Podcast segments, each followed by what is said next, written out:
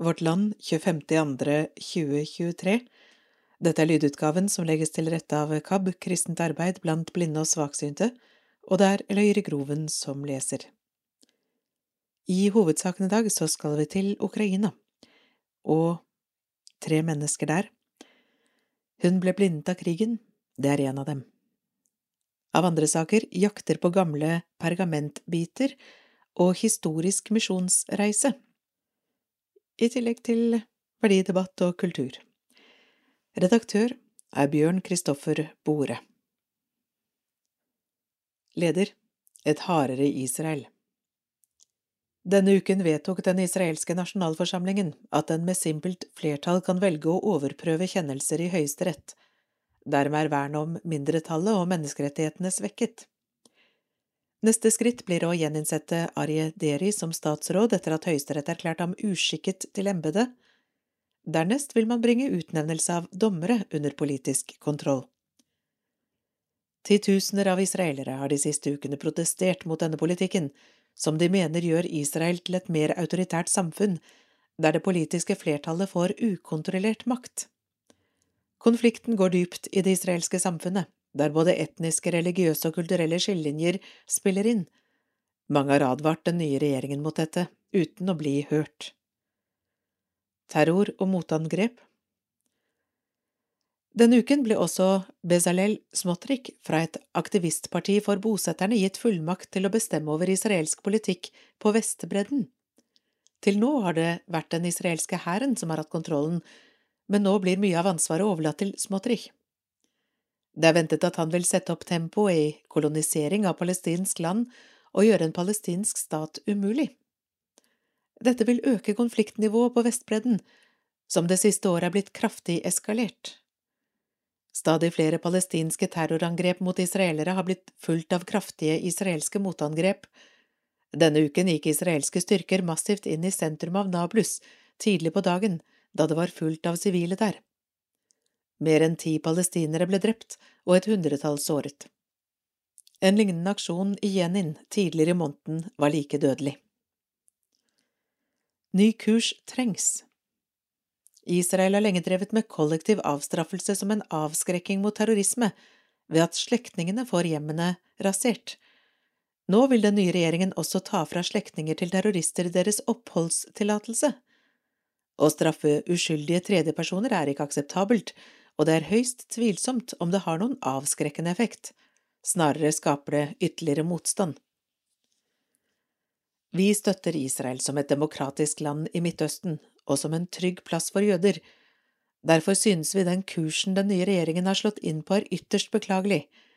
Vi håper at andre krefter i Israel vil være i stand til å få landet inn på en annen kurs.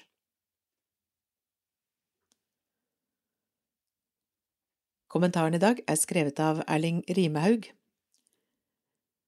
Ledet til slaktebenken? spørsmålstegn. Jødene gikk som lam til slakterbenken, skrev Hanna Arendt og mente jødenes ledere førte dem dit. Denne forståelsen har blitt stående, men er den riktig? Et av de sterkeste inntrykkene i holocaust-minnesmerket Yad Vashem i Jerusalem er de mange vitnene som forteller om sine erfaringer fra nazistenes jødeutryddelse. Mange av dem hadde aldri fortalt sin historie da de ble spurt om å bidra. I Israel var idealet Sabran, den frie jøden som kjempet for sine rettigheter, og jødene som ble drept uten motstand, passet ikke med det. Det var først med rettssaken mot en av hovedarkitektene bak holocaust, Adolf Eichmann i Jerusalem i 1960, at de overlevendes vitnesbyrd kom fram. Historiene hadde en sjokkartet virkning på det israelske samfunnet. Etter det er holocaustminnene blitt en vesentlig del av israelsk mentalitet. Ondskapens banalitet Den kjente jødiske vitenskapskvinnen Hanna Arendt fulgte rettssaken og skrev om den i boken Eichmann i Jerusalem fra 1963. Det var der hun formulerte begrepet ondskapens banalitet. Adolf Eichmann framsto for henne som en helt gjennomsnittlig funksjonær, et vanlig menneske som mente han bare gjorde jobben sin. At hvem som helst kunne bli massemorder, gitt de rette omstendigheter, er blitt en populær teori. En av dem som har protestert mot dette, er historikeren Deborah E. Lipstadt. I boken The Eichmann Trial fra 2011 skriver hun at Eichmann var drevet av sin nazistiske overbevisning og ikke bare et lydig redskap for plikten. Arends universelle forklaringer på ondskapen gjorde det mulig å la være å ta inn over seg antisemittismens grep på europeisk kultur, skriver hun. Til slaktebenken Mens Arendt menneskeliggjorde Eichmann, gjorde hun jødene til en ensartet gruppe av offer. De gikk som lam til slaktebenken, skriver hun, og ansvaret for det legger hun for en stor del på jødenes ledere, som overtalte dem til å ikke gjøre motstand. Hun hevder at langt færre jøder ville blitt drept av nazistene om ikke jødenes ledere hadde samarbeidet med nazistene. I de fleste okkuperte landene opprettet tyskerne såkalte Jodenrat. De utnevnte gjerne slike som hadde lederposisjoner fra før, til ledere for den jødiske befolkningen, de fikk i oppdrag å sørge for nødhjelp til jødene, som var fratatt både eiendom og inntektsmuligheter, men de måtte også formidle tyske ordre og overtale jødene til å følge dem. Etter hvert ble de også pålagt å bidra til å samle jødene i gettoer og transportere dem til utryddelsesleirer. Samtidig hadde de muligheten til å redde noen unna. Moralsk fordømmelse Den moralske fordømmelsen har dominert mye av litteraturen. Lederne for jøderådene omtales nedsettende som gettodiktatorer og anklages for at de var opptatt av å redde sitt eget skinn på bekostning av andre. Men hvilke valg hadde de jødiske lederne? Dette spørsmålet er blitt stilt av forskere som ofte konkluderer mindre fordømmende. En av dem er Lorien Wastenhut, som er forsker ved Institute for War, Holocaust and Genocide Studies i Amsterdam. I boken Between Community and Collaboration Jewish Councils in Western Europe and the Nazi Occupation, som kom ut på Cambridge University Press i fjor, argumenterer hun for at en ensidig fordømmelse er altfor enkel tilnærming. I boken foretar hun en sammenlignende studie av jøderådene i Nederland, Belgia og Frankrike. 75% av jødene i Nederland, 40% i Belgia og 25% i Frankrike ble drept kan den ulike rollen jøderådene spilte ha hatt noen betydning. Skalkeskjul for redning Mens lederne for jøderådet i Nederland hele veien mente de var de rette til å lede jødene slik at flest overlevde, tok lederne i Belgia og Frankrike på seg oppdraget fra tyskerne med stor uvilje. Flere av dem trakk seg etter hvert fordi de ble presset til slikt de ikke kunne innestå for, eller de ble arrestert for manglende samarbeidsvilje. Mange kunne flyktet, men valgte å bli fordi de så oppgaven som viktig. Noen lot seg presse langt over grensen for det akseptable, som når jøderådet i Nederland ga tyskerne lister over ansatte som kunne deporteres, eller når de oppfordret jødene til å melde seg for myndighetene. Men organisasjonen som ble bygd opp av jøderådene, ble i alle disse landene også brukt som skalkeskjul for illegal virksomhet, slik som å redde jødiske barn når foreldrene var arrestert, eller å skjule jøder og gi hjelp til væpnede motstandsgrupper. Reddet mange. Likevel mener Wastenhut at den store forskjellen mellom landene lå hos tyske myndigheter. I Nederland samarbeidet okkupasjonsmyndighetene aktivt med SS om jødeutryddelsen. I Belgia og Frankrike var militærmyndighetene og det franske Vichy-regimet skeptiske til Eichmanns apparat, som de mente tok for mye ressurser og oppmerksomhet fra viktigere oppgaver, og kunne skape unødig motstand. Vastenhut mener at jøderådene, i alle fall i Vest-Europa, bidro til å redde mange jøder, og at det er tvilsomt om de bidro særlig til å effektivisere holocaust. Antisemittiske myter De jødiske lederne kunne nektet ethvert samarbeid med tyskerne. Det ville umuliggjort hjelpearbeidet som tross alt reddet mange liv, eller de kunne organisert motstandskamp. Warszawa-gettoen er et heroisk eksempel på det, men det endte jo med at nesten alle døde. Forestillingen om de feige og beregnende jødiske lederne går rett inn i antisemittiske myter og gir bidrag til dem som hevder jødene selv bidro til holocaust. Det er viktig at det blir reist motforestillinger mot den. Vårt Land retter I Emil André Erstads tekst Alt vi ikke visste om Ukraina fra gårsdagens avis sto det de fleste vestlige regjeringer trodde at en invasjon av Ukraina ville avgrense seg til østlige deler av landet, områder som hadde vært herja av borgerkrig siden 2014. Det korrekte er, de fleste vestlige regjeringer trodde at en invasjon av Ukraina ville avgrense seg til østlige deler av landet, områder som hadde vært herja av russisk krigføring siden 2014. Da skal vi til hovedsaken, Den siste hverdagen, av Inger-Lise Hammerstrøm. De skulle lage suppe og gå på nattevakt som vanlig, feire bursdag, signere kontrakt til ny jobb. Dette er historiene til tre ukrainere og hva de egentlig skulle den 24. februar i fjor. 23. februar 2022 Russerne har kommet stadig nærmere Ukrainas grenser med ammunisjon, fly, bomber, feltsykehus og blod. Det siste er en ferskvare som ikke brukes i øvelser. Angrepet dagen etter kom likevel som et sjokk på mange. Klamret til håpet om at de i likhet med alle andre europeere skulle få nyte våren som sakte var i anmarsj, fortsatte ukrainerne livet som om husene deres aldri skulle rase som om bursdager skulle feires i de samme rommene, med de samme gjestene, år etter år. Her forteller tre ukrainere om hva de egentlig skulle torsdag 24. februar 2022. Hvor er Lykke? Olha Levitska, 45 år, jobbet som skiftleder ved et av stålverkene i Mariupol. Hun lengter tilbake til byen som hadde alt, varmt hav, fruktbar jord og en jobb å gå til. Olha Levitska sitter i en sykeseng på Ullevål sykehus og ser ut gjennom de bølgende vindusglassene, med ett øye. Bandasjen over det andre øyet dekker halve ansiktet. Utsikten er store, nakne løvtrær som ser ut som de aldri har tenkt å våkne til liv igjen. Grunnen til at hun sitter akkurat her, på et sykehus i et av verdens beste demokratier, er et søk på internett.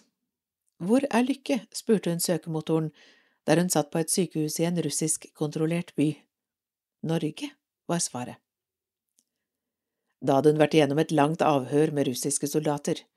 Hadde hun skadet øyet som soldat? Hun måtte kle av seg så de kunne sjekke om hun hadde merker etter å ha båret gevær. Mariupol ville bli stygt. Kvelden den 24. februar 2022 skal hun på nattevakt ved en av byens to stålverk. På slike dager pleier hun å sove til titiden. Hun gjør husarbeid, lager mat til hundene og kanskje borsj til seg selv, en tradisjonell ukrainsk rødbetsuppe. Etter skiftet denne dagen skal hun til sin tante og fetter med melk som hun får gratis på jobb. Men eksplosjonen hun hører denne morgenen, er ikke bare i hermetegn fra russisk-kontrollerte Donbass som ligger noen timer lenger øst. En telefon fra fetteren setter strek for fredstiden. Krigen har startet. Frem til nå har jeg ikke trodd at noe sånt kan skje i 2022, i vårt århundre, sier hun oppgitt. Levitska er energisk når hun snakker. Det er lett å forestille seg at hun er den som ikke lammes av frykt, men handler når krig er et faktum. Hun ringer datteren, som er på stupekonkurranse i en annen by. Ikke ta toget tilbake til Mariupol, formaner hun. Havnebyen som munner ut i Svartehavet og forbinder Ukraina med verdens handelsårer, er viktig for Russland. Levitska vet at det kommer til å bli stygt i Mariupol. En måned senere skal Ukrainas president Volodymyr Zelenskyj kalle russernes beleiring av Mariupol en type terror som vil bli husket i århundrer. Byen blir raskt omringet og lagt i ruiner med bomber, artilleri og missiler. Isolert fra omverdenen. Februar gikk over i en uvanlig kald marsj. Gradestokken krøp ned i ti minus, sur vind og snø. Samtidig gjorde russerne det nærmest umulig å komme seg ut av byen.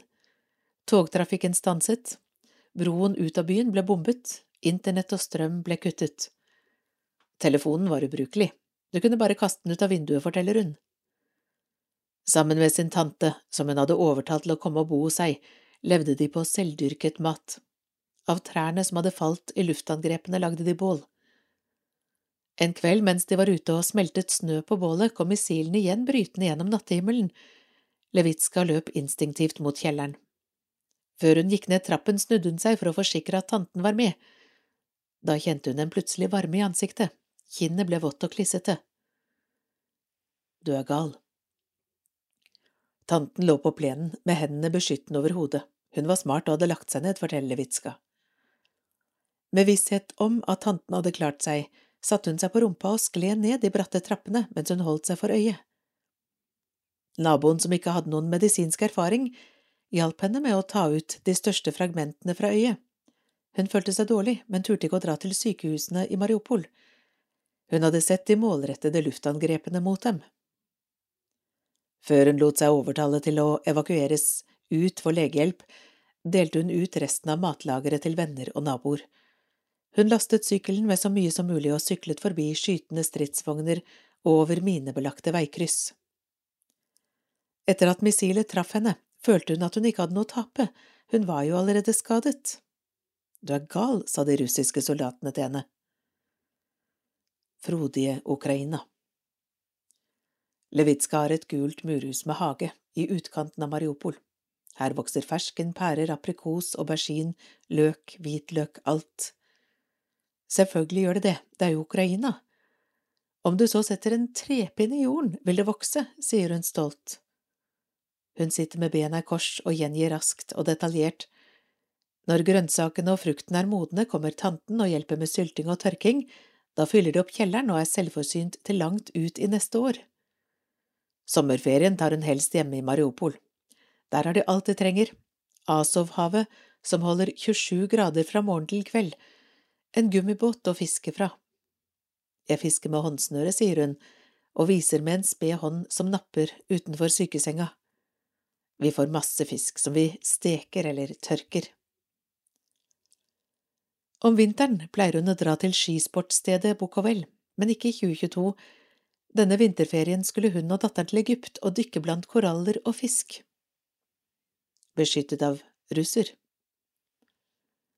En russisk soldat forsøkte lenge å overtale Levitska og tanten til å dra fra Mariupol. Han hadde kjørt henne til sykehuset. Da hun hadde kommet i konfrontasjon med en annen russisk soldat, hadde han slått medsoldaten med baksiden av geværet, og han hadde gitt henne penger til å ringe broren sin i Russland. Hun beskriver ham som menneskelig. Det betyr ikke at hun hadde stolt på ham igjen. I dag hjalp han meg, i morgen dreper han ti som meg, han er fiende, sier hun. Den 22. mars evakuerte de, Levitska og tanten. I en buss med andre skadede kjørte de gjennom et ugjenkjennelig Mariupol. Ødeleggelsene ga henne totalt sjokk. Fremme på sykehuset i Donetsk fikk hun den nedslående beskjeden om at øyet ikke kunne reddes, det var da hun spurte internett hvor lykken var. Gjenforent med datteren. På gulvet under sykesengen står et par rosa plasttøfler, Welcome home står det på dem. Akkurat nå er hun bare glad hun fikk møte datteren igjen. I seks måneder var de fra hverandre. Datteren reiste med stupetreneren via Moldova, Levitska gjennom Russland og Estland. Til slutt møttes de på Tysse i Osterøy kommune utenfor Bergen, der bor de nå og lever litt som før. Datteren deltar i stupekonkurranser og står øverst på pallen med mor stolt på sidelinjen, akkurat som i Ukraina. Hun tør ikke tenke på om hun kommer hjem til Mariupol igjen. Skulle overraske niesen. Valentina Sevostjanova, 35 år, bodde og jobbet i Kyiv som innspillingsleder i filmselskapet TTM. De skulle produsere flere filmer. En av dem var en hyllest til kjærligheten, livet og skjønnheten. Klokken 5.14 den 24. februar våkner Valentina Sevostjanova av seg selv. Det er ennå lenge til hun må stå opp. Hun får en tekstmelding fra moren, som har hørt høye smell. Moren bor i Vishgorod, en forstad til Kiev, sammen med Sevostjanovas bror og hans datter. Læreren til niesen har sendt ut beskjed om at barna ikke skal komme på skolen denne dagen. Selv om krigen startet da Russland tok Krim i 2014 og senere tok kontroll over deler av Donbas-regionen, har de fleste ukrainere fortsatt å leve som før. Med frykten for at konflikten skulle eskalere, konstant murrende under overflaten. Sevostjanova trodde ikke at det skulle utvikle seg til en fullskala krig, ikke i Europa, ikke i 2022. Mens hun sjekker nyhetene, hører Sevostjanova et smell. I et sekund fryser alt, hun får ikke puste, hun kan fortsatt ikke beskrive lyden, men hun sier at det er en lyd hun aldri vil glemme. På TV erklærer Russlands president at de er i gang med en spesiell militæraksjon i Ukraina. Bursdag Sevostjanova hadde fri fra jobben som innspillingsleder. Hun skulle lage bursdagsoverraskelse til niesen, som ble elleve år den dagen. Mens Lisa var på skolen, skulle de pynte leiligheten med ballonger og blomster. De skulle lage kake og pakke inn bursdagsgave. Et selfielys til telefonen. I stedet ble Sevostjanova sittende inne i leiligheten sin. Der ble hun i flere uker, uker hun skulle brukt til å jobbe med store filmprosjekter. Filmselskapet hennes hadde akkurat mottatt statlig støtte. De var i gang med en film om den ukrainske filosofen Hrihorij Skovoroda. Det skulle være en film om kjærlighet, livet og skjønnheten, sier hun. Åkrene i Ukraina hvor filmen om Skovroda blant annet skulle filmes er nå fylt med miner, nesten hele filmcrewet er tatt ut i militærtjeneste. Kyiv var en attraktiv by for filmindustrien. Vil den være det etter krigen, spør Sevostjanova og tenker seg om. Eller kanskje blir den nettopp det, sier hun og ler tørt. Savner hverdagen. Den ukrainske nasjonalsangen dundrer ut av en stor høyttaler på Eidsvoll plass nedenfor Stortinget i Oslo. Noen av de fremmøtte bærer store ukrainske flagg som vaier i den kalde skumringen. Den andre hånden holder de over brystet mens de stemmer i til Ennå er ikke Ukraina tapt. Hver eneste dag i femdraget samles folk her, til ett minutts stillhet for de falne, for å tråkke på det russiske flagget og for å holde motivasjonen oppe. Slik har de holdt på i et år nå, mens folk kaster over plassen til og fra røde busser og blå trikker. Sevostjanova står i en ende av sirkelen med hodet bøyd. Hun holder det blå og gule flagget rundt seg som om det var et varmende teppe. Hun kommer hit av og til. Hun må gå på språkkafé, leke med niesen, hjelpe moren å lære norsk, prøve å finne seg en jobb, eller gjøre andre ting som gjør at hun ikke forblir i et vakuum av usikkerhet og frykt. I snart ett år har hun, moren og niesen bodd på Furuset i Oslo i trygghet, men mange familiemedlemmer, venner og kolleger er ikke trygge. De er fortsatt i Ukraina, der Putins soldater fortsatt kjemper innbitt for å ta over landet hennes. Jeg vet at noen er lei av å høre om krigen, men vi startet ikke denne krigen, vi ba dem ikke komme hjem til oss, sier hun og ser opp mot en gråsvart februarhimmel. Sevostjanovas hverdag er et minne hun vil bare ha den tilbake. Akkurat nå er det så mye jeg ikke vet om fremtiden. Jeg har bare lyst til å våkne og gå på jobb, besøke vennene mine. Visste at russerne ville angripe, bare ikke når. Danilo Rebro, 36 år, jobbet som IT-ansvarlig og bibliotekar i Mariupol. På dagen da Putins soldater angrep Ukraina, skulle han signere kontrakten til jobben han hadde vært så glad for å få. Danilo Rebro hadde forberedt seg grundig til intervjuene ved Politihøgskolen. Universitetet, som var flyttet fra Donetsk til Mariupol, skulle ansette en ny IT-ansvarlig. Den jobben ville Rebro ha.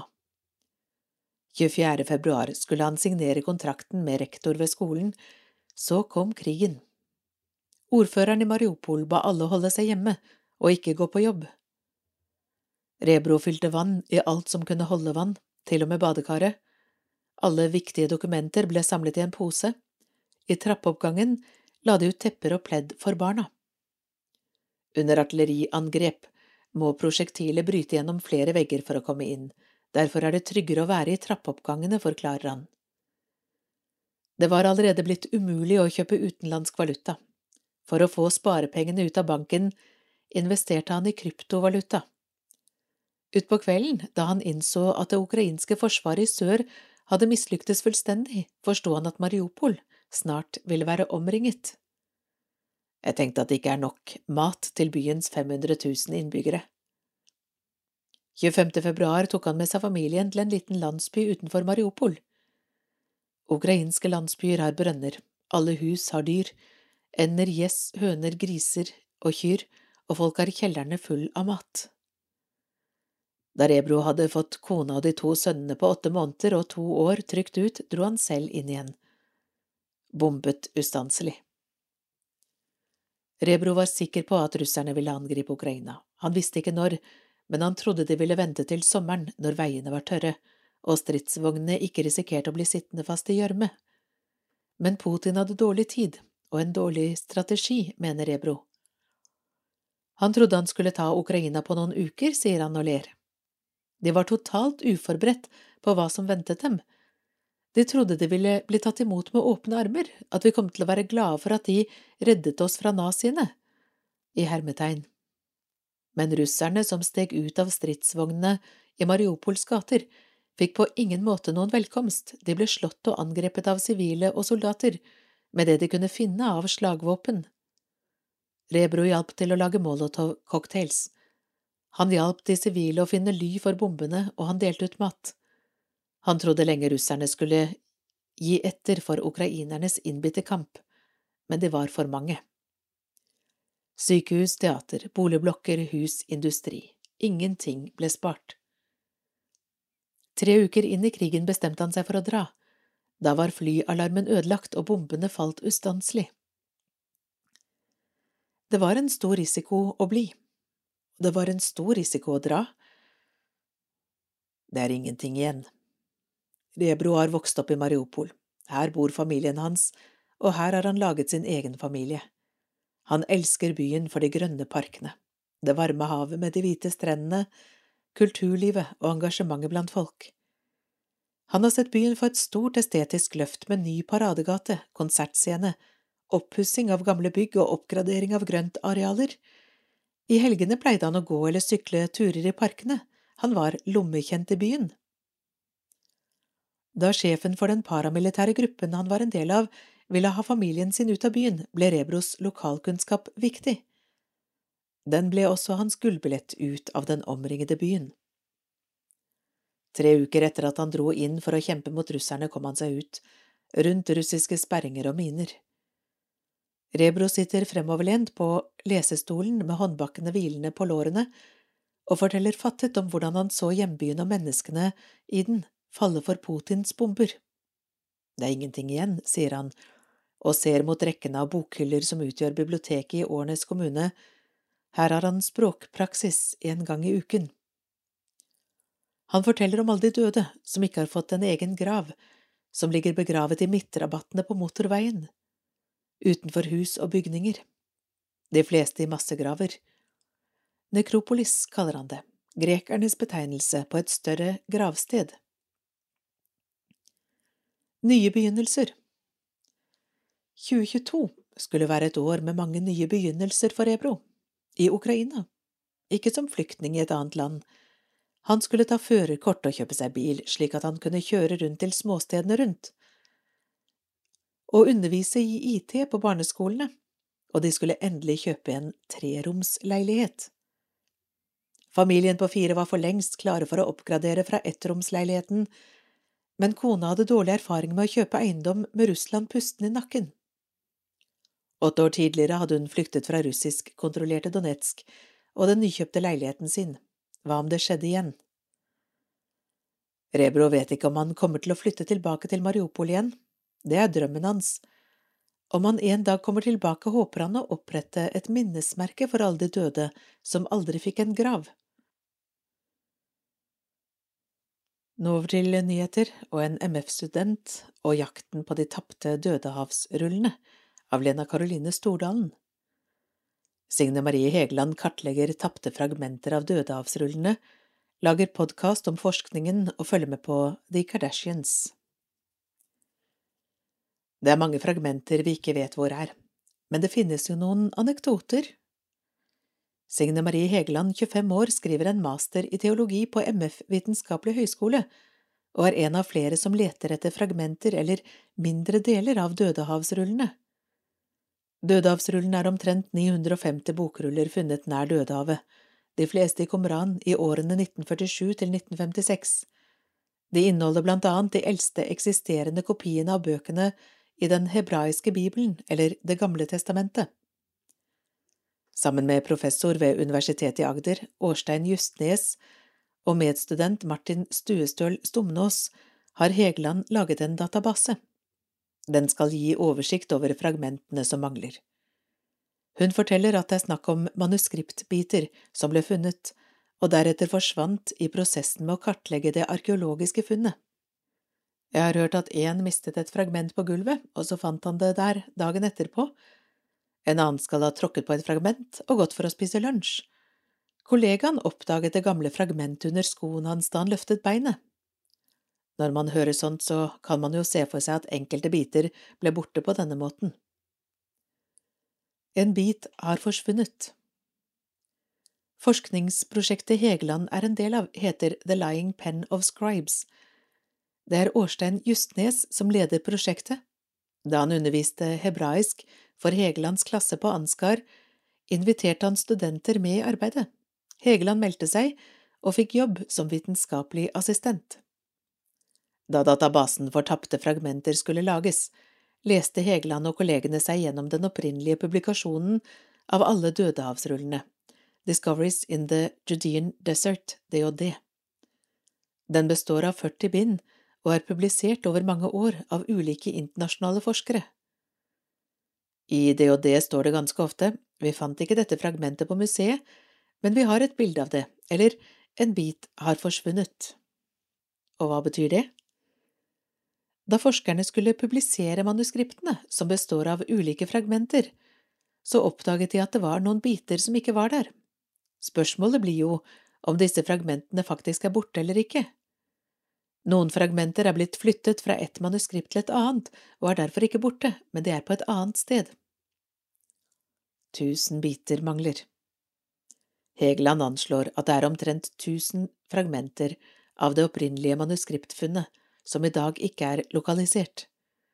Hun håper databasen kan bidra til at flere tapte fragmenter kommer til rette. I tillegg til å gi en oversikt over fragmenter som mangler, skal databasen være dynamisk, slik at man kan legge til informasjon dersom man for eksempel finner et fragment. Det vi savner fra de første forskerne, er lister over alt de hadde, og hvor bitene ble flyttet, men det var ikke sånn de gjorde det. Skal vi finne alle bitene nå, så må det gjøres en stor jobb med å få oversikt. Da må noen reise ned til Jerusalem og ta en gjennomgang av de fragmentene vi faktisk har, sier Hegeland. I Jerusalem, på Rockefeller museum, finnes de fleste fragmentene man i dag har tilgang til. Postet fragmenter på Twitter Dødehavsrullene ble godt dokumentert med fotografier på 50- og 60-tallet, og de fleste av disse er tilgjengelige i Leon Levy Dead Sea Scrolls Digital Library. Noen nyere bilder av de samme manuskriptene viser at enkelte fragmenter mangler. Hva som har skjedd med fragmentene, er uklart. Ifølge Justnes er det også tatt flere bilder de siste årene, men mange av disse er ikke tilgjengelige på nett. Professoren mener de ansvarlige myndighetene i Israel må sørge for åpenhet og mulighet for innsyn i alle bilder av samlingen, slik at forskere og andre kan få se hva som finnes i dag. Materialet som ble funnet i hule fem i Komran kan for eksempel ikke gjøres rede for, det er stjålet, gått tapt eller gått til grunne. Materialet hadde bedre da det lå i hula, enn da det kom inn på museet. For å få oppmerksomhet rundt tematikken postet professor Årstein Justnes bilder av ulike tapte fragmenter på Twitter for å se om noen gjenkjente dem. I løpet av et par år fikk han fem til ti ganger tilbakemeldinger om at fragmentet på bildet eksisterte. Lager podkast om dødehavsrullene Sammen med professor Årstein Justnes har Egeland fått en artikkel publisert i tidsskriftet Biblical Archaeology Review, hvor de beskriver arbeidet for å finne de tapte fragmentene. Med økonomisk støtte fra The Lying Pen of Scribes-prosjektet har Hegeland også funnet en annen måte å få ut informasjon om de tapte bitene på, en podkastserie. Når et prosjekt får støtte fra staten, så har man også en plikt til å formidle kunnskap på en forståelig måte til dem som ikke har dette som fagfelt. Podkast er en morsom måte å formidle forskning på. Det trenger ikke å bare være artikler og bøker. arkeologi og Kardashians. Masteren Hegeland skriver på MF handler også om de tapte fragmentene. Her diskuterer hun blant annet databasen og forskningen hun har bidratt til. Jeg snakket med noen om dette, og da tullet vi med at jeg holder på med Dødehavsrullene, og at jeg interesserer meg veldig for The Kardashians. Han ene sa, jeg tror du trenger litt Kardashians for å veie opp for Dødehavsrullene, hvis ikke ville du vært litt kjedelig, sier Hegeland. Den amerikanske Kardashian-familien har en egen realityserie på TV, Journalistens anmerkning. Når man studerer bibelfag, så henger man noen år bak forskninga, siden lærerne bruker bøker og artikler som er publisert allerede. Men når man er i et forskningsmiljø, så er man helt foran, det har vært veldig gøy. Professor Årstein Justnes skryter av studentene han har jobbet sammen med. Det er et privilegium å få jobbe sammen med hyggelige, lovende og nysgjerrige studenter. Studenter kan lære mye av denne typen arbeid, og jeg lærer også mye. Jeg regner alltid med at en student jeg møter, kan noe som jeg ikke kan. Nå til misjon og ungdom i oppdrag. Ungdom i oppdrag på stor misjonsreise av Per Åsmund Reimert. I fjor, på The Send, utfordret Ungdom i oppdrag norske ungdommer til misjon. Nå er flere unge medlemmer med på en historisk misjonsreise til Montenegro. Dette er nok den største misjonsreisen Ungdom i oppdrag har hatt på over ti år. Det sier en fornøyd Britt Solveig Spilde, leder for Ungdom i oppdrag i Skien. Hun befinner seg i byen Nixitz i Montenegro på Balkan, hvor hun er med på en misjonstur i regi av evangeliserings- og misjonsbevegelsen Ungdom i oppdrag, UiO, avdeling Skien, og misjonsarrangementet Descend. Reisefølget, som er på totalt 82 stykk, inkluderer både barn, ungdom og voksne. De begynte reisen 18. februar og returnerer til Norge lørdag 25. februar. Når Spilde kaller turen for den største misjonsreisen i UiO på ti år, så sikter hun ikke bare til antallet som er med på reisen, men også til omfanget av hva de planlegger å få utrettet på reisen. Gruppen arbeider inn mot studenter på universitetet i Nixitz, kristen-ortodokse, romfolk og familier og barn. Arbeidsoppgavene går blant annet ut på å dele ut mat og klær til dem som trenger det, til å snakke om Bibelen og tro. Målet er klart, at flere mennesker skal få en aktiv kristen tro, og ikke minst at de unge som reiser på misjon, kommer hjem igjen med gode erfaringer. Tente på misjon igjen i anledning fjorårets 50-årsjubileum for UiO kunne Vårt Land melde at der andre norske misjonsorganisasjoner har færre misjonsutsendinger enn tidligere, peker kurven oppover hos UiO. At kurven peker oppover, har blitt lagt merke til i Skien. Vi hadde et seminar om misjon for unge medlemmer på den nasjonale UiO-samlingen. Vi hadde vært fornøyd med et oppmøte på 25, men det kom 200. Da tenkte vi at folk begynte å bli tente på misjon igjen, sier Kjetil Spilde, ektemannen til Britt og organisatoren bak misjonsturen. Ekteparet er fast ansatt i UiO og leder senteret i Skien. Et annet element som ga ekteparet håp for å få mange til å bli med på misjonsturen til Montenegro, var det massive besøkstallet på fjorårets økumeniske gigaarrangement The Send, da samlet det seg nærmere 10 000 mennesker inne på Telenor Arena utenfor Oslo. Der var målet å utfordre unge til misjon i Norge og i utlandet. Hvordan vurderer dere entusiasmen blant unge for å misjonere nå? Entusiasmen for å dra på misjonsturer er god og reflektert. Man er for eksempel klar over at misjon i dag ser veldig annerledes ut enn hva det gjorde for 50 år siden, sier Britt Solveig og legger til, en av tingene vi snakker om med unge, er at det fortsatt trengs misjonærer i store deler av verden på lang sikt. Vi har ikke sett en eksplosjon i antall misjonærer, men vi ser at unge mennesker ønsker å reise og er villige til det. Det begeistrer meg. Misjon blant ortodokse kristne Når misjonsgruppen nå befinner seg i Montenegro, så befinner de seg i et land hvor rundt 72 prosent av befolkningen definerer seg som ortodokse kristne, så hvorfor misjonere her? De lokale her sier at hvis du spør en ortodoks om hva det betyr å være kristen, så viser det seg at ikke alle kjenner sin egen religion. Det er en interessant kontekst å komme ned til, sier Kjetils bilde, organisator av turen, og ektemannen til Britt Solveig. På Facebook-arrangementet for turen står det at Montenegro er et lite land med ca 200 mennesker som kjenner Jesus. Det de lokale kirkelederne sier til oss, er at det er rundt 200 som de vet er aktive kristne. Over halvparten av dem er innflyttere, så det er snakk om rundt 100 lokale, forklarer Kjetil. Ekteparet presiserer at de snakker om mennesker de vet har en personlig relasjon til Jesus, og at de ikke utelukker at det er flere i Montenegro som har det. Det er jo mange kristenortodokse i landet. Hva inngår i definisjonen deres av aktivt troende, må de være for eksempel født på ny? Poenget er at folk skal få en personlig relasjon til Jesus uavhengig av konfesjon.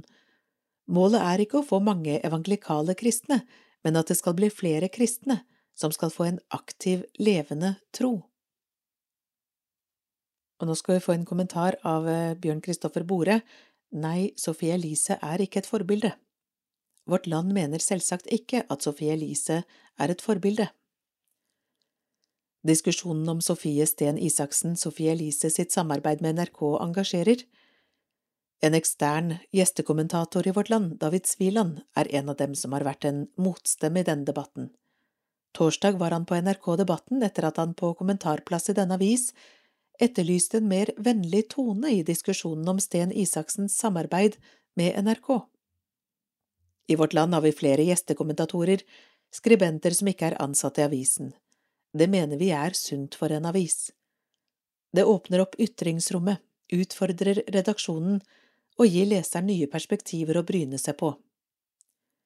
Sviland, som sluttet som debattjournalist i Vårt Land i fjor, har ofte litt andre innfallsvinkler enn majoriteten, det er bra for alle debatter.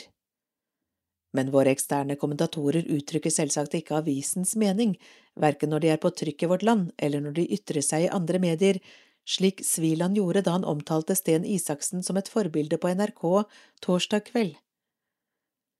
Avisers mening uttrykkes på lederplass. Det er også verdt å merke seg at vår gjesteskribent ble invitert til NRK etter at han på kommentarplass i Vårt Land kritiserte avisen for å være kritisk til Sophie Elise. Aviser bør være lydhøre for kritikk. Det er alltid positivt når noen tar personer som kritiseres hardt i offentligheten i forsvar. Det samlede medietrykket i slike saker kan være en enorm belastning, også for svært medievante personer. I vårt land mener vi det er riktig å gi rom til slike ytringer, også når de strider med avisens syn. Sviland fortjener ros for å gå imot strømmen her. Men vi er som avis ikke enig med vår gjesteskribent på NRK Debatten. Vårt Land mener selvsagt ikke at Sophie Elise framstår som et forbilde. NRK bør nå et yngre publikum med helt andre virkemidler enn denne type innhold og denne typen kommersielle påvirkere. Derfor vil jeg gjerne gjenta Vårt Lands oppfordring på lederplass i forrige uke. NRK bør klargjøre sitt syn på bruk av ulovlige rusmidler etter Sten Isaksens omstridte publisering av et bilde med en pose hvitt pulver. Og kan legge til et råd. Nå har dere prøvd å lage en podkast med Sofie Elise. En rikskringkaster skal alltid være i utvikling, men dette gikk ikke så veldig bra. Ta lærdom av det, og gå videre. Verdidebatten i dag er et essay av Mimir Kristiansson, Rødt-politiker, tidligere nyhetsredaktør i Klassekampen og forfatter. Jeg var blitt blind for at også andre imperialistmakter enn USA kunne røre på seg. Innerst i boden min ligger et lyseblått laken innsmurt i teaterblod. På lakenet er det festet en maske som forestiller USAs 43. president George W. Bush. Med store sjablongbokstaver har vi malt et sitat av Olof Palme, disse satans mørdere. Palme lot opprinnelig ordene falle i en berømt tale om Franco-diktaturet i Spania. For oss passet de like godt til Bush-administrasjonen, som i løpet av våre tre år på videregående skole startet ikke bare én, men to meningsløse og dødbringende angrepskriger i henholdsvis Afghanistan og Irak. Jeg vokste opp i kampen mot amerikansk imperialisme. Med feilbombing av bryllupsseremonier og bildene fra torturfengselet i Abu Ghraib. USA var kanskje ikke den eneste trusselen mot verdensfreden, men de var den viktigste. Der amerikanerne gikk, fulgte for det meste Norge etter. Noen ganger gikk vi til og med i front. I 2011 slapp norske fly 588 bomber over Libya, flere per innbygger enn noen av de andre landene som bidro i hermetegn til det som raskt utviklet seg til en folkerettsstridig krig. Ettersom vi selv hadde gjort oss medskyldige i amerikanernes forbrytelser, var det bare naturlig at radikal ungdom i Norge var mer opptatt av Afghanistan og Libya enn vi var av krigene som raste andre steder i verden. USA var ikke bare drittsekker, de var våre drittsekker. Tatt på senga av invasjonen. Det var erfaringene fra krigen mot terror som gjorde at jeg ble tatt på senga da Russland gikk til fullskala invasjon mot Ukraina 24. februar. Da hadde amerikansk etterretning varslet om mistenkelige russiske troppeforflytninger nær den ukrainske grensen i månedsvis, men siden jeg har vokst opp med en amerikansk utenriksminister som sto i FNs sikkerhetsråd og pekte på masseødeleggelsesvåpen som aldri fantes, stoler jeg ikke noe særlig på amerikansk etterretning. I dette tilfellet viste det seg å være et feilgrep. Langt verre enn at jeg ikke forutså invasjonen, var det at jeg ikke forsto Putin. Det ble tidlig klart for meg at jeg var fullstendig uvitende om hvilke langsiktige ambisjoner russerne selv hadde for sin plass i verden. I mitt verdensbilde hadde Russland primært vært en reaktiv makt. Som verdens dominerende supermakt hadde USA initiativretten Russerne reagerte bare som best de kunne for å forsvare sine interesser. Russerne var ikke snille, i alle fall ikke med sine naboer, men de var rasjonelle, og de hadde helt siden Sovjetunionens fall i 1991 vært på vikende front. Derfor ga det ingen mening at de skulle gå til fullskala krig med mål om å innta hovedstaden i et av sine naboland og styrte presidenten der til fordel for et russiskvennlig marionettregime. Men i dagene etter invasjonen ble det raskt klart for meg at Vladimir Putin også har sitt verdensbilde, og at Russland spiller en rolle i dette som strekker seg langt utover det som i dag er landets grenser. Selv om det påvirker russisk politikk hva USA og NATO foretar seg, ikke minst i den gamle østblokken, er det åpenbart at russerne har egne imperialistiske ambisjoner. Dette er ambisjoner Russland har hatt i mange hundre år, først under tsardiktaturet, siden under Sovjetunionen og nå under Putin. Blind for andre makter Å underslå russernes selvstendige rolle som imperialistisk makt var min mest alvorlige tankefeil i tida fram mot invasjonen 24. februar. Feilen blir ikke mer tilgivelig av at den trolig sprang ut av en enøyd antiamerikanisme som grenset mot intellektuell latskap. Jeg hadde øynene mine så stivt festet på USAs overgrep at jeg var blitt blind for at også andre imperialistmakter kunne røre på seg. Til tross for disse tilkortkommenhetene ble det aldri vanskelig å ta standpunkt. Da krigen først var et faktum, var det eneste riktige å fordømme Putins folkerettsstridige invasjon på det sterkeste. Dette standpunktet inntok samtlige norske partier. Det er verdt et lite øyeblikk å sette pris på at vi i Norge har et storting som står samlet fra høyre til venstre i støtten til Ukraina og deres forsvarskamp mot invasjonen. Uenigheter om hvordan vi best kan bistå ukrainerne i kampen, forandrer ikke på dette. Stikk i strid med hva man av og til kan få inntrykk av i en offentlig debatt der merkelappene florerer, er Putin-apologi et marginalt fenomen i Norge. Det er faktisk ingen selvfølge om vi ser til andre land. Om det var enkelt å ta stilling til selve krigen, ble det verre å skjønne hva slags følger den skulle få for venstresidas sikkerhetspolitiske linjer. Allerede samme dag som krigen brøt ut, kom det høylytte krav på sosiale medier om at Rødt burde skifte mening, ikke bare om NATO, men også om EU. På dette tidspunktet var diskusjonen om norsk våpenstøtte fremdeles underordna dyd å holde hodet kaldt. Det er en dyd å skifte mening, ikke minst når verden rundt deg forandrer seg, men det er også en dyd å holde hodet kaldt når lyden fra krigstrommene blir så øredøvende at man knapt kan høre seg selv tenke. Da SV i sin tid lot seg overbevise om å støtte norsk bombing av Libya, framsto det som det eneste moralsk riktige å gjøre.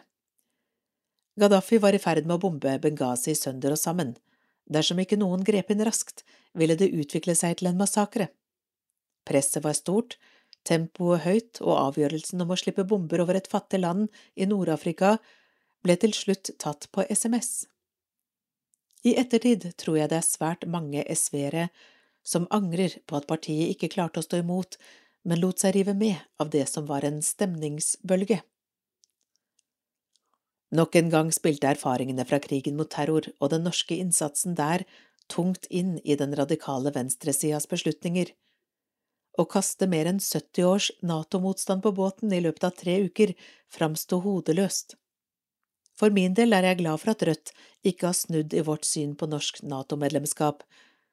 Argumentene mot NATO som angrepsallianse står for meg like fjellstøtt i dag som før den russiske invasjonen.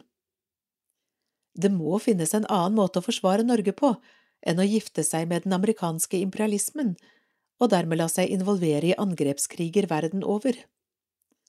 På dette området er det lite Putin kan gjøre for å få meg til å skifte mening. Det er NATO som må forandre seg dersom jeg skal skifte NATO-standpunkt, og NATO forandrer seg ikke grunnleggende, selv hvis Erdogan til slutt slipper Sverige inn i varmen. Prinsipper kolliderer. Da har jeg vært mer i tvil om norsk våpenstøtte til Ukraina. Her frontkolliderer to antiimperialistiske prinsipper. På den ene siden prinsippet om å støtte undertrykte folk som forsvarer seg mot imperialisme. I Ukraina skjer altså denne forsvarskampen med våpen. På den andre siden prinsippet om at Norge ikke bør blande seg militært i konflikter utenfor våre egne grenser. Da jeg opprinnelig sa nei til norsk våpenstøtte, var det av to grunner. For det første frykt for at krigen skulle eskalere og Norge bli dratt inn i konflikten. For det andre at noen land nesten må følge forhandlingssporet. Alle kan ikke bare følge våpensporet. I likhet med Rødt for øvrig har jeg altså aldri ment at Ukraina ikke skal få våpen av noen, de kan til og med få penger til å kjøpe våpen av oss, men at Norge som land med vår historie og geografi har en annen rolle å spille enn for eksempel Polen. Men utover i krigen har disse to argumentene i mine øyne svekket seg kraftig. Til tross for grusomhetene på bakken har krigen så langt ikke eskalert. Den vestlige våpenstøtten har vært betydelig, men den har skjedd innenfor kontrollerte former. Ukrainske krav om flyforbudssone eller klasevåpen og fosforbomber er blitt avvist. Påstandene om at Norge juridisk kunne bli en medkrigerstat dersom vi bidro med våpen til ukrainerne, er langt på vei tilbakevist, selv om faren for eskalering fremdeles er til stede, er det lite som tyder på at norske luftvernsystemer eller panservernraketter er utløsende i så måte. Fare for eskalering Alternativet til at Ukraina får våpen, er at Putin får okkupere landet og innsette en russiskvennlig marionett.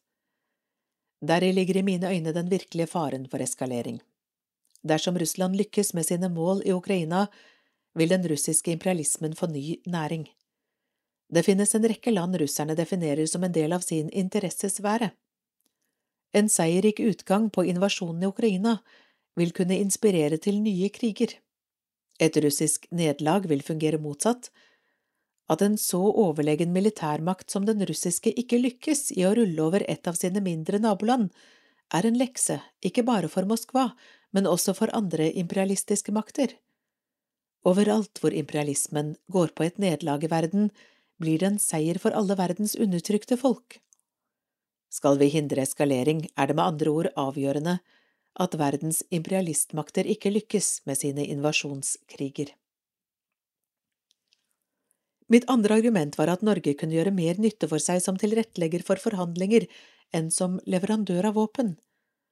Fremdeles mener jeg at regjeringen burde ta flere initiativ for å få partene til å snakke sammen. Men i denne krigen går veien til forhandlingsbordet gjennom at russerne må gi opp sitt mål om å få kontroll over Ukraina. Det er ingen grunn for Putin å gå med på forhandlinger dersom han tror han kan vinne krigen. Forhandlinger og våpenstøtte høres intuitivt ut som motstridende strategier, men i virkeligheten er det eneste håpet om en forhandlet fred at Ukraina holder ut i kampen mot den russiske invasjonen. Frankrikes president Emmanuel Macron og Spanias statsminister Pedro Sánchez har dessuten vist at også land som sender våpen, er i stand til å ta forhandlingsinitiativ, og dersom man skulle etterlyse mer nøytrale meglere, er det ingenting som tyder på at NATO-landet Norge vil være i stand til å spille den rollen, uavhengig av våpenstøtte eller ikke. Der vi derimot kan spille en rolle, er å bidra med våpen som kan sikre at Putin ikke får legge under seg Ukraina. Da blir det kanskje også noe å forhandle om. Fredslinja Blant dem som motsetter seg norsk våpenstøtte til Ukraina, er begrepet fredslinja populært. Krig er et helvete, og det meste som kan få slutt på krigen, bør ønskes velkommen, men okkupasjon er ikke det samme som fred en fredslinje som i praksis innebærer at Putin legger under seg Ukraina, blir til slutt ingen fredslinje. Det blir en okkupasjonslinje som ikke er holdbar for oss som kjemper mot imperialisme i alle sine former, ikke bare den som kommer fra USA. Innerst i boden min ligger det også sammenknøvla et annet laken, det er svart og prydet med de palestinske fargene. De hvite sjablongbokstavene lyder No justice, no peace. Ingen fred uten rettferdighet. Den parolen er verdt å ha med seg også i kampen mot russisk imperialisme, og derfor ender jeg til slutt med å si ja vel til våpnene. Vi skal til kultur og adopsjon. Oppfølging av adopterte kunne avverket en del problemer, av Elias Bakken Johansen. Adopsjon skal være for foreldreløse barn, ikke for barnløse foreldre, sier Kjersti Grinde Satish, som arbeider med en doktorgradsavhandling om utenlandsadopterte. Hun mener Norge må ta grep. Veldig mange snakker om utfordringer relatert til psykisk helse og problemer knyttet til identitet og manglende oppfølging. Slik beskriver Kjersti Grinde Satish møtene med de 26 norske utenlandsadopterte hun intervjuet til en nylig publisert studie. Forskningsartikkelen er en del av hennes doktorgradsavhandling ved NTNU om voksne utenlandsadoptertes erfaringer. Det er en kvalitativ studie, som altså ser nærmere på 26 adopterte, sju menn, 19 kvinner. De er alle voksne og var mellom seks uker og ti år da de ankom Norge. De ble adoptert fra Kina, India, Thailand, Sri Lanka, Colombia, Guatemala, Costa Rica, Brasil og Peru. Det starter ganske tidlig. Man er så alene og grubler så voldsomt at det går utover konsentrasjonen og den sosiale fungeringen, og så forverrer det seg og man blir sliten. Mange har en idé om at tenårene er tøffe, og så ordner det seg, men for mange blir det verre, sier Satish, som i dag er stipendiat ved Vid vitenskapelig høgskole foreldreløse barn og barnløse foreldre. Psykiske lidelser er hyppigere blant utenlandsadopterte enn blant dem som ikke er adoptert.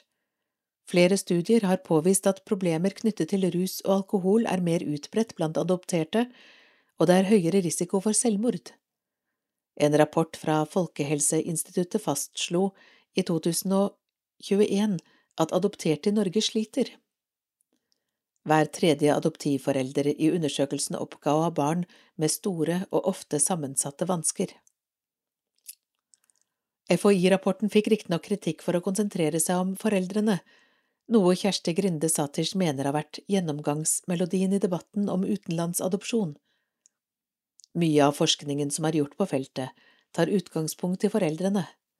Det har vært en ovenfra og nedholdning, sier hun, og bemerker at både politisk og kulturelt har det vært en oppfatning om at adopsjon uansett er til det bedre for barnet. Selv om debatten om utenlandsadopsjon har skiftet litt kurs de siste par årene, er dette fortsatt en utfordring, mener Satish. I Storbritannia er adopsjon på dagsorden på en helt annen måte. Der har adopterte hatt en sterkere stemme i mange år. Debatten går ofte på hva som gagner barn i det lange løp, mens her i Norge er det fortsatt ganske foreldresentrert. Adopsjon skal være for foreldreløse barn, ikke for barnløse foreldre. Etter adopsjon Adoptert i Norge har kjempet for etteradopsjon i flere år. Etter adopsjon er den spesifikke hjelpen adopterte og adoptivfamilier får etter at adopsjonen er fullført. I Norge er det ingen obligatorisk oppfølging av adopterte utover det tilbudet alle barn som vokser opp her, har rett til. Bufdir skal i løpet av 2023 utvikle en kompetansetjeneste for veiledning av adopterte og adoptivforeldre. Vårt Land skrev nylig at flere reagerte på at en rådgiverstilling for nettopp adopterte og adoptivforeldre ble bestemt avviklet. Dette er barn som ankommer Norge med bagasje. Når man flytter fra et hjem til et annet, er det behov for oppfølging. Etter adopsjon kunne avverget en del problemer. Jeg tror mange kunne hatt det mye bedre, både i ungdomstid og voksenliv, hadde de fått riktig oppfølging, sier Kjersti Grinde Satish. I forskningsartikkelen antyder hun at mangelen på adopsjonsspesifikk oppfølging må ses i sammenheng med hyppigheten av psykisk uhelse. Stipendiaten tror det eksisterer en idé om at adoptivforeldre uansett er ressurssterke og dermed er skikket til oppgaven. Ikke engang hjelpeapparatet, som bistår hjelpetrengende adopterte, på samme måte som de bistår ikke-adopterte, har nødvendig kompetanse, mener Satish. Det er lite kunnskap blant behandlerne og veldig tilfeldig om de har forståelse eller ikke. Det at det er lite kunnskap om det, kan dessuten være en av grunnene til at det ikke har blitt ansett som viktig. I forskningsartikkelen er Satish klar på at dersom norsk utenlandsadopsjon skal ha legitimitet, må oppfølging på plass.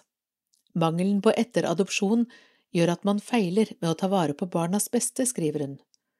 Barnas beste skal ligge til grunn for enhver adopsjon, slår FNs barnekonvensjon fast. Dersom man ikke får oppfølging for de utfordringene man møter etter at adopsjonen er gjennomført, tenker jeg at det er et svik overfor både den adopterte og foreldrene.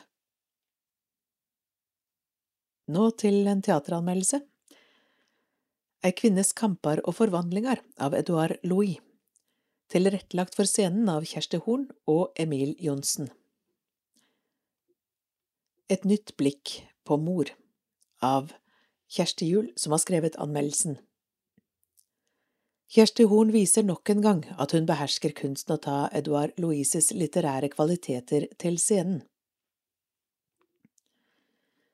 Franske Edouard Louis fikk nærmest umiddelbar status som en av de viktigste unge litterære stemmene i Europa, da han i 2014 debuterte med boken Farvel til Eddie Belleguel.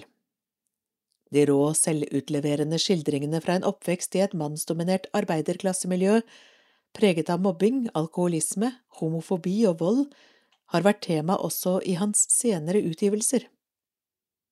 Med forestillingen Ei kvinnes kamper og forvandlinger fortsetter regissør Kjersti Horn og skuespiller Emil Johnsen sitt prosjekt med å iscenesette forfatterskapet. Det har blitt et sterkt stykke teater, der vi umiddelbart dras inn i avgrunnen som åpner seg mellom den klassereisende og fortiden han har forlatt. Kjærlig blikk Forestillingen er basert på boken En kvinnes frigjøring, som handler om moren hans. Da Louis tidligere har beskrevet henne i harde ordelag, som en som aldri beskyttet ham, retter han et langt mer kjærlig blikk mot henne her. Monique Bellegull blir gravid som 17-åring. Siden følger et liv i fattigdom med fem barn, en alkoholisert og trakasserende ektemann og en virkelighet så hard at det ikke er rom for drømmer. Helt til hun en dag, i likhet med Edouard Louis selv, klarer å bryte ut. Kjersti Horn har lenge hatt en forkjærlighet for direkteoverføring av teater til skjerm. Denne gangen vender hun scenen vekk fra publikum og presenterer hele forestillingen som film på bakveggen. Det gir en forsterkende effekt, som om filmlinsen zoomer inn noen hakk, men skurrer også i en teatergjengers hjerte. Hvor langt er det nødvendig å fjerne seg fra teaterets egenart? Vissheten om at det hele foregår samtidig på andre siden av filmlerretet, bidrar likevel til teatrets her og nå-følelse. Når maten stekes, både ser vi dampen og lukter pannekakene. Perspektivspill Scenen er et naturtro kjøkken i miniatyrformat, der moren vasker og koker kaffe, henger opp klær, lager mat eller setter seg ned ved bordet for å legge kabal. Alt gjort i en os av kjederøyking og med en inngrodd apati i hver bevegelse. Inn i den monotone hverdagen plasserer jeg-fortelleren seg som en slags kjempe på det lille kjøkkenet. Med effektfulle grep klarer Horn å få til et scenisk spill med perspektiver i tråd med fortellingen. Dette er den voksne sønnens blikk på moren, som her blir spilt av kortvokste Sigrid Husjord. Som en slags flue på veggen observerer han henne, mens fortellingen blir til gjennom en monolog. Emil Johnsen klarer å holde oppmerksomheten vår fra start til slutt i rollen som sønn, Husjord parerer med en scenisk tilstedeværelse som aldri glipper. Forsoning Fortellingen starter med et fotografi av moren som ung. Jeg finner ikke de rette orda for å forklare det, men alt på dette bildet, måten hun poserer på, blikket, hårets røsler, uttrykker fridom, det å ha ei endeløyse av muligheter framfor seg, og kanskje også lykke lyder sønnens ord om sin mor.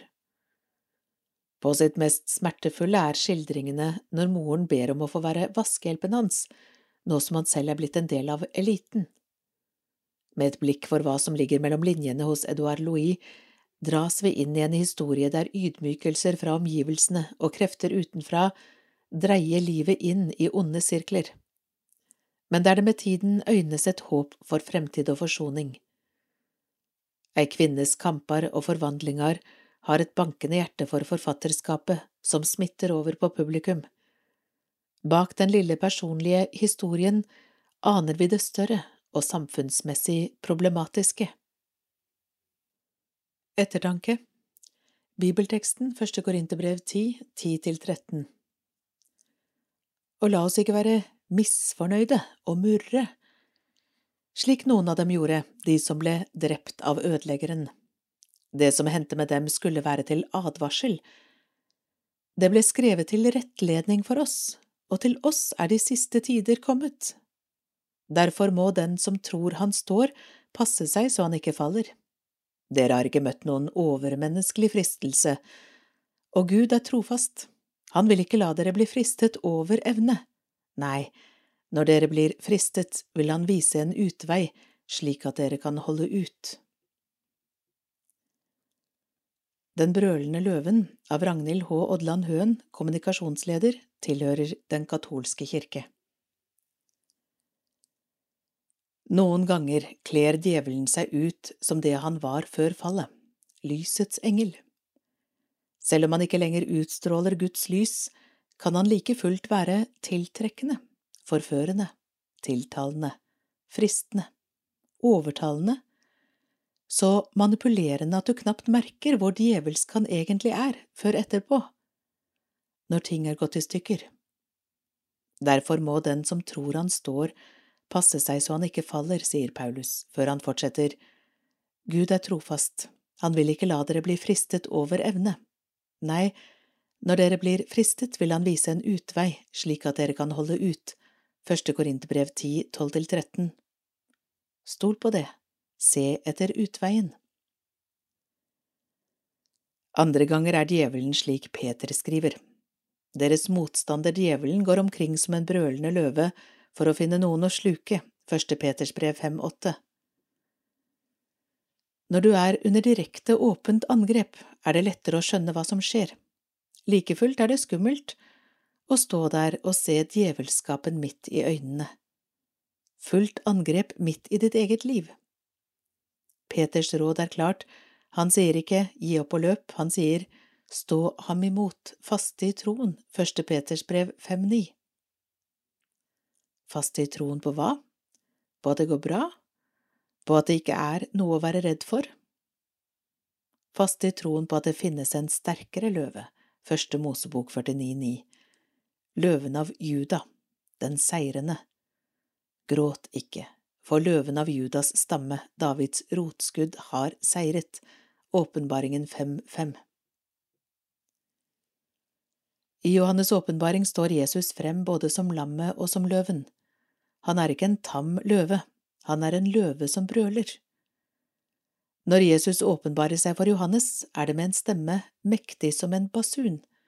Øynene var som flammende ild, føttene som bronse, glødet i en ovn, og røsten var som bruset av veldige vannmasser. I høyre hånd holdt han sju stjerner, og fra munnen gikk det ut et skarpt, tveegget sverd. Ansiktet var som solen når den skinner i all sin kraft, åpenbaringen 1.10 og det følgende. Ikke la deg lure av djevelen.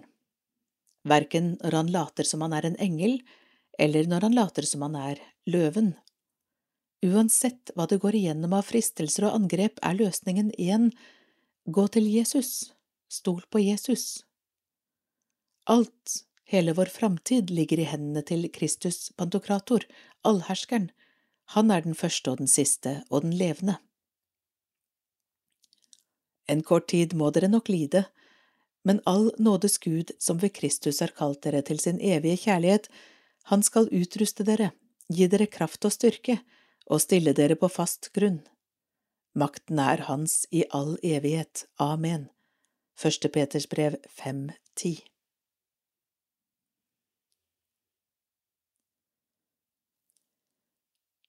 Det er slutt på dagens lydutgave av Vårt Land, og da altså også ukens siste. Men så høres vi jo igjen på mandag. Ha det fint så lenge.